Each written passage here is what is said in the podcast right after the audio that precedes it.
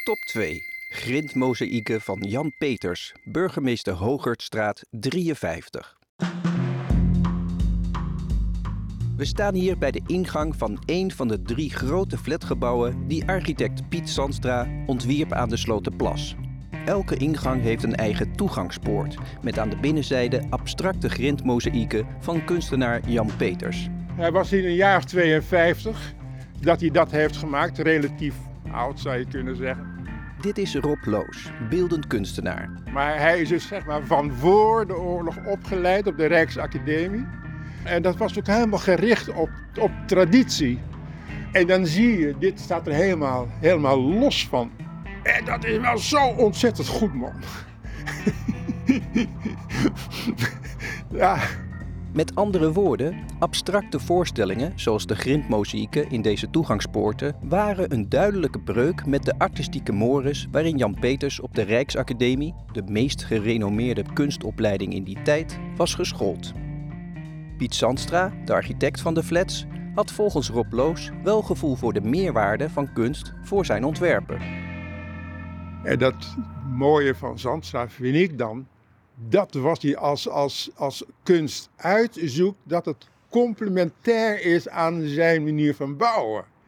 Het is heel hoekig, heel ja, mannelijk zou je kunnen zeggen, een beetje, beetje macho, stoer, hè, zo moet ik het zeggen. En die, die ginsteden, ja, het is eigenlijk een, een vormloos iets wat, die, wat zeg maar, aan elkaar gepuzzeld, bij elkaar gepuzzeld is.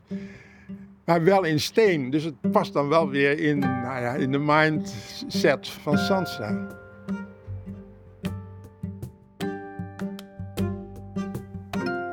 Dat vind ik grappig gewoon, dat hij speelt met, ja, met, met contrasten. Zo. Dat robuuste en dat bijna petit point. Hè? Dat, dat het een soort borduurwerk is, of het geknoopt is. Zo, hè? Het is ook tactiel, hè? Zo, je kan met je, met je hand en met je vingers overheen te gaan.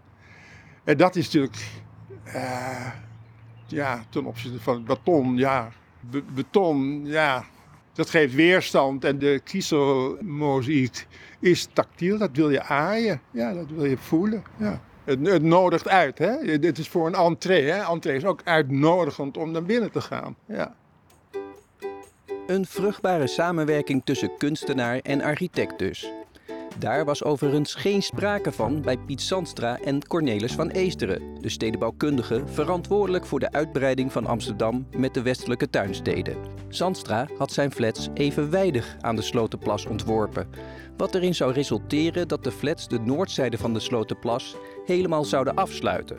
Een beetje zoals het Centraal Station het ei, vanuit het centrum bekeken, geheel aan het zicht onttrekt. Dat voornemen druiste volledig in tegen Van Eesterens visie van lange zichtlijnen en van licht, lucht en ruimte. Het heeft wel vijf jaar geduurd voordat Sandstra akkoord ging met het plan van Van Eesteren om de flats onder een hoek van pak een beet 30 graden ten opzichte van de Slotenplas te situeren. In de tussentijd bood het uitgestrekte terrein een prachtige plek voor de jonge Rob om eindeloos te spelen. Hier was nog zand en, en water en takken en jonge bomen en drijfzand ook.